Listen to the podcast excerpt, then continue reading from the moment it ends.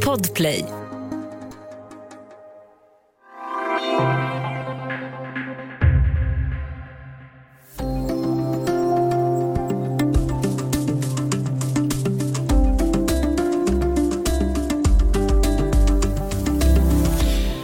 Pandemi och eh, årtiondets kallaste vinter har fått många att dra ner på både gymbesök och konditionsträning. Men nu finns det inga ursäkter kvar. Det är dags att dra på sig löparskorna och dra ut även om du bara kan gå under hela träningspasset. Det säger i alla fall experterna. Det här är Studio DN. Jag heter Aminata Grutt.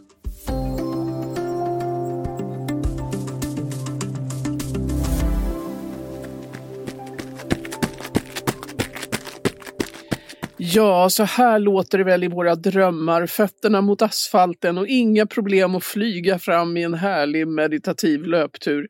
Men i verkligheten så hörs det oftast någonting mer. Ni vet den där tunga andningen eller flåset som hörs när man är totalt otränad och måste stanna för att hämta andan. Vi har med oss DNs reporter Emma Bovin i podden idag. Välkommen! Tack så mycket! Hur är det? Har du dragit på dig löparskorna ännu? Ja, det har jag. Wow! Jag var ute igår faktiskt. Hur känns det då? Eh, nej, men det, det kände, nu känns det ju bra för det var ju igår och då behöver jag inte springa idag. Så just idag känns det jättebra. I allmänhet så hatar ju jag tyvärr att springa. ja, hur är det med flåset? Nej, det är inte heller så bra. Alltså jag tänkte på det när du sa att man, hur man inte vill låta, på hur jag förmodligen låter. Så här låter jag nog. Ja. Ja, hur brukar det se ut då för dig med träning i, sådär när du är igång? Men jag eh, har i alla fall sedan några år tränat minst tre dagar i veckan faktiskt. Fast då är det inte alltid konditionsträning. Men nu i och med den här pandemin som ni kanske har hört talas om eh, så skulle man ju undvika att gå till gymmet och det är dit jag brukar gå då framåt oktober när Eh, det blir för ruggigt och mörkt ute. Istället för att springa brukar jag då gå till gymmet och springa eller köra någon annan konditionsmaskin eller gå på pass eller sådär. Men det kunde jag inte göra och samtidigt så blev det ju svinkallt och, kom, och inte bara det, det kom också typ fyra meter snö kändes det som. Och det var liksom kyla, det kan man väl hantera, men när det kommer en massa snö, då går det ju inte att springa. Så därför så har jag, ja men jag la liksom av med all konditionsträning under mm. vintern. Och det gör ju att det, det, blir extra jobbigt när man måste komma igång igen. Det känns som att man har tappat allt. Var det det som gjorde att du letade upp den här experten på träning som du har intervjuat, Lovisa Lofsan Sandström? Ja, precis. Eh, Vem är hon då egentligen? Hon är ju eh, utbildad gymnastiklärare i grunden men också eh, vidareutbildad till personlig tränare och coach och kostrådgivare och allt möjligt. Och så driver hon, eh, hon driver ett coachföretag. Så hon jobbar med personlig träning och coachar klienter både online och live. Och sen så har hon skrivit en bok om just löpning för kvinnor så det var därför jag kände att hon var en passande person att få lite råd av. Vilka är hennes bästa råd? Men jag tycker att det som eh, det bästa rådet som jag testade igår då var det här som hon kallar för fem minuters principen som man inte ska blanda ihop med fem minuters metoden för spädbarn och sömn. Eh, men det går alltså ut på att man får gå hur mycket man vill för att de flesta personer är kanske som jag, så att första gången man ska ut och springa så bara går man ut så börjar man springa och så springer man i typ en kvart och sen så tar det bara stopp. För man pallar inte mer, det går liksom inte. Och så går man hem och känner sig sur och misslyckad. Men då enligt den här femminutersprincipen så eh, man får hela tiden stanna och gå, bara man börjar springa igen på var femte minut. Så om jag börjar med att gå så går jag i fem minuter, så får jag börja springa sen. Och sen så kanske jag orkar springa i två minuter. Då får jag gå i tre minuter tills det är fem minuter igen då. Och sen så enligt henne då så märker man, man målet är att vara ute i 30 minuter. Och första gången kanske man går mestadels av den tiden. Men man känner ändå att man springer. Jag gjorde det här igår då och då började jag med att springa, för det var så kallt så jag kunde inte börja med att gå. Och så sprang jag i sex minuter. Då fick jag ju gå i fyra minuter sen. Det kändes ju som en väldigt stor belöning. Eh, och så håller man på sådär, men då är det ändå som att man, det känns som att man springer. Min eh, GPS-klocka upplevde det som att jag sprang en halvtimme, vilket också är väldigt viktigt för mig. Jag fick en bekräftelse på att jag hade sprungit. Och jag kom hem och var inte så här eh, dödstrött och kände mig värdelös, utan jag kände mig så här, ja, men det kändes som att jag hade gjort någonting bra. Och tanken är ju att man sen ska kunna märka att man kan, man inte behöver stanna och gå då efter ett tag. Efter ungefär tre veckor ska man börja märka det enligt Lovisa. Och det låter ju faktiskt också det här som, som att det skulle kunna vara någonting till och med för mig som är totalt otränad och nog inte skulle orka springa mer än några sekunder innan jag var tvungen att lägga av. Nej. Känns det som just nu. Men eh, är det så? Kan man börja med att bara gå? Ja, det, det, är absolut. Det är en snäll metod för du kan ju liksom gå fem minuter, så kan du springa, så kanske du springer i 30 sekunder. Då kan du gå sen i fyra och en halv minut och så springer du 30 sekunder. Men då får du ju ändå så här, få upp lite flås. Och så kanske du märker, det är det hon säger också, att man kommer, bara man, det viktiga med träning är ju egentligen att man får den gjord överhuvudtaget. Så bara man kommer ut, man känner att det är så här, ja men det är lite härligt med lite luft. Det går ju bra att eh, gå. Jag kan testa att springa lite och så får man liksom, man, man måste motivera sig själv under tiden. Sån är ju jag. Hon pratar ju, det pratar hon också om i, i min artikel, om att det finns vissa som är sådana här jobbiga personer som bara vaknar upp och känner sig supermotiverade och ger sig ut och springer en mil och fortsätter sådär i resten av sina liv. Men många av oss andra måste ju liksom tvinga oss själva. Då måste man liksom mata sin egen motivation med att det liksom går, märka att det går bra. Jag klarar av att springa en minut, vad duktig jag är, då kanske jag kan springa en minut till. Och så får man hålla på och så här, förhandla med sig själv hela tiden. Och det funkar, för mig i alla fall. Ja, hur gör jag för att få upp motivationen? Det pratar vi om alldeles strax efter pausen.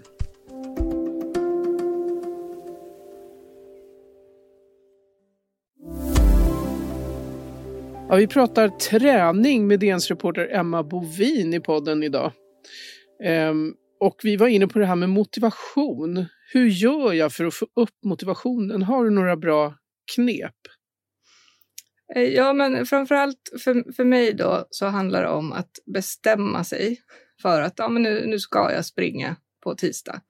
Och då, om jag bestämmer mig för det så går jag upp och så tar jag på mig mina träningskläder så fort jag går upp och så kanske jag inte springer ändå, men då har jag ändå på mig dem. Och då vet jag om att eh, jag kan inte gå och lägga mig och ta av mig de här kläderna utan att ha använt dem.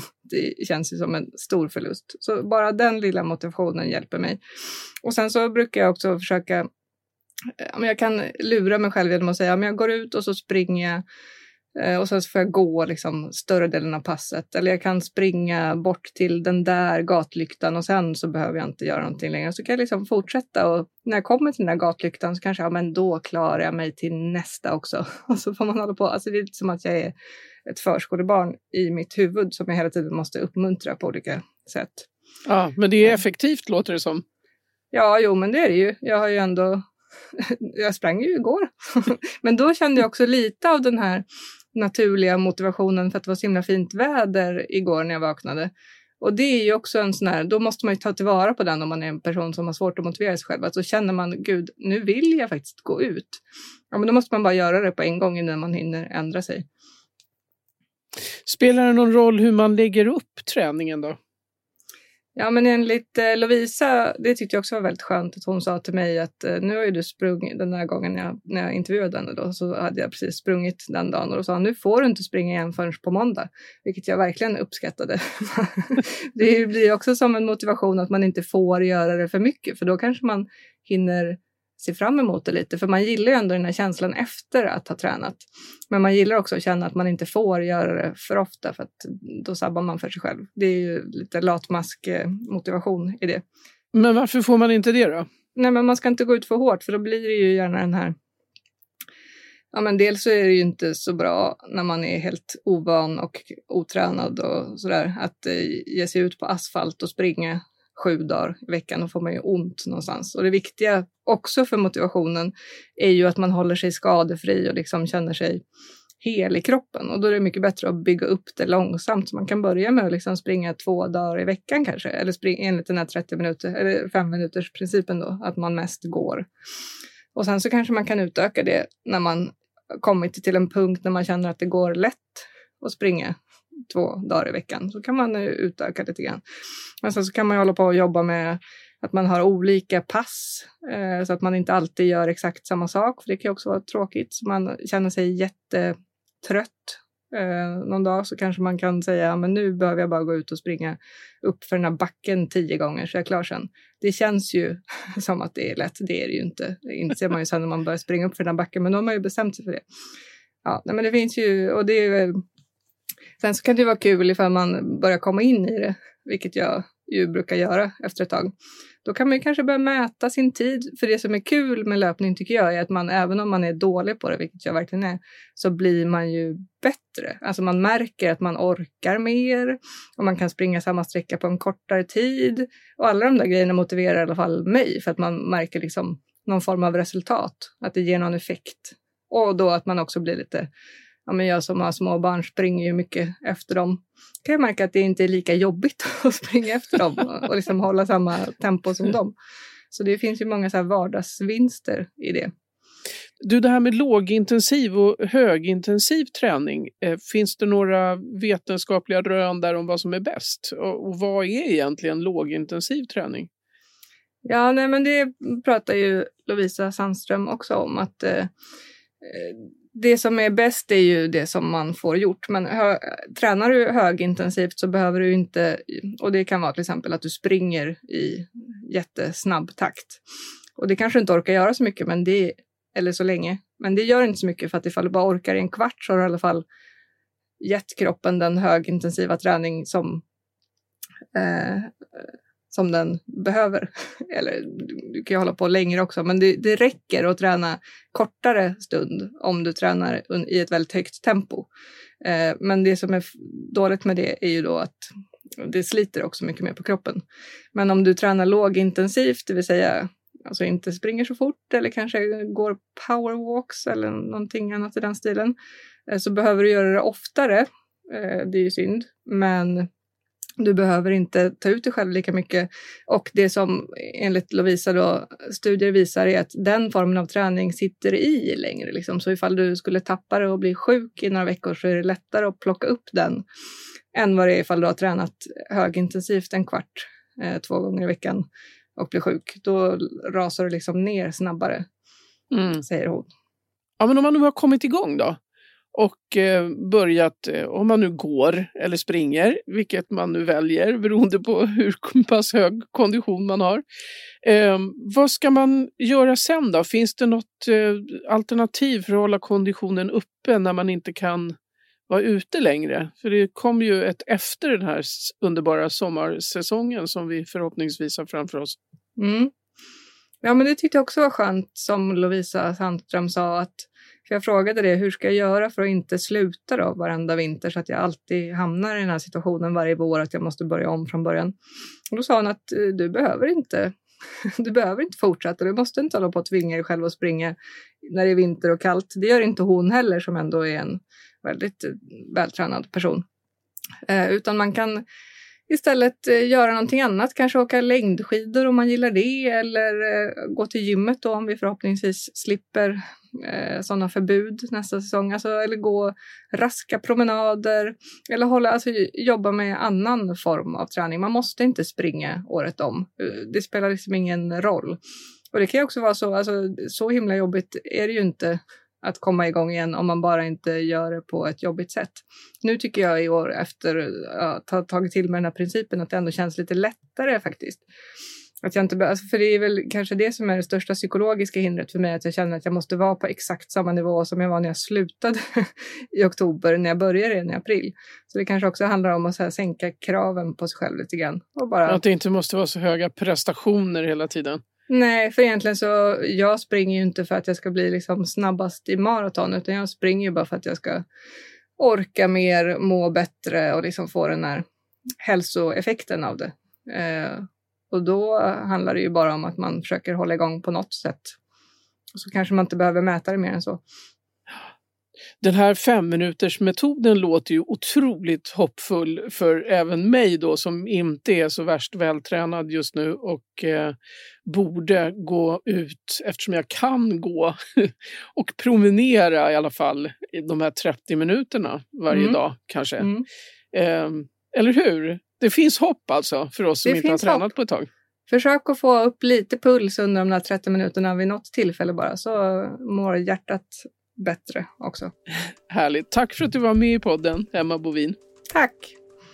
Studio DN görs för Podplay, producent Sabina Marmulakai, exekutiv producent Augustin Erba, ljudtekniker Patrik Miesenberger, teknik Oliver Bergman, Bauer Media och jag heter Aminata Grutt.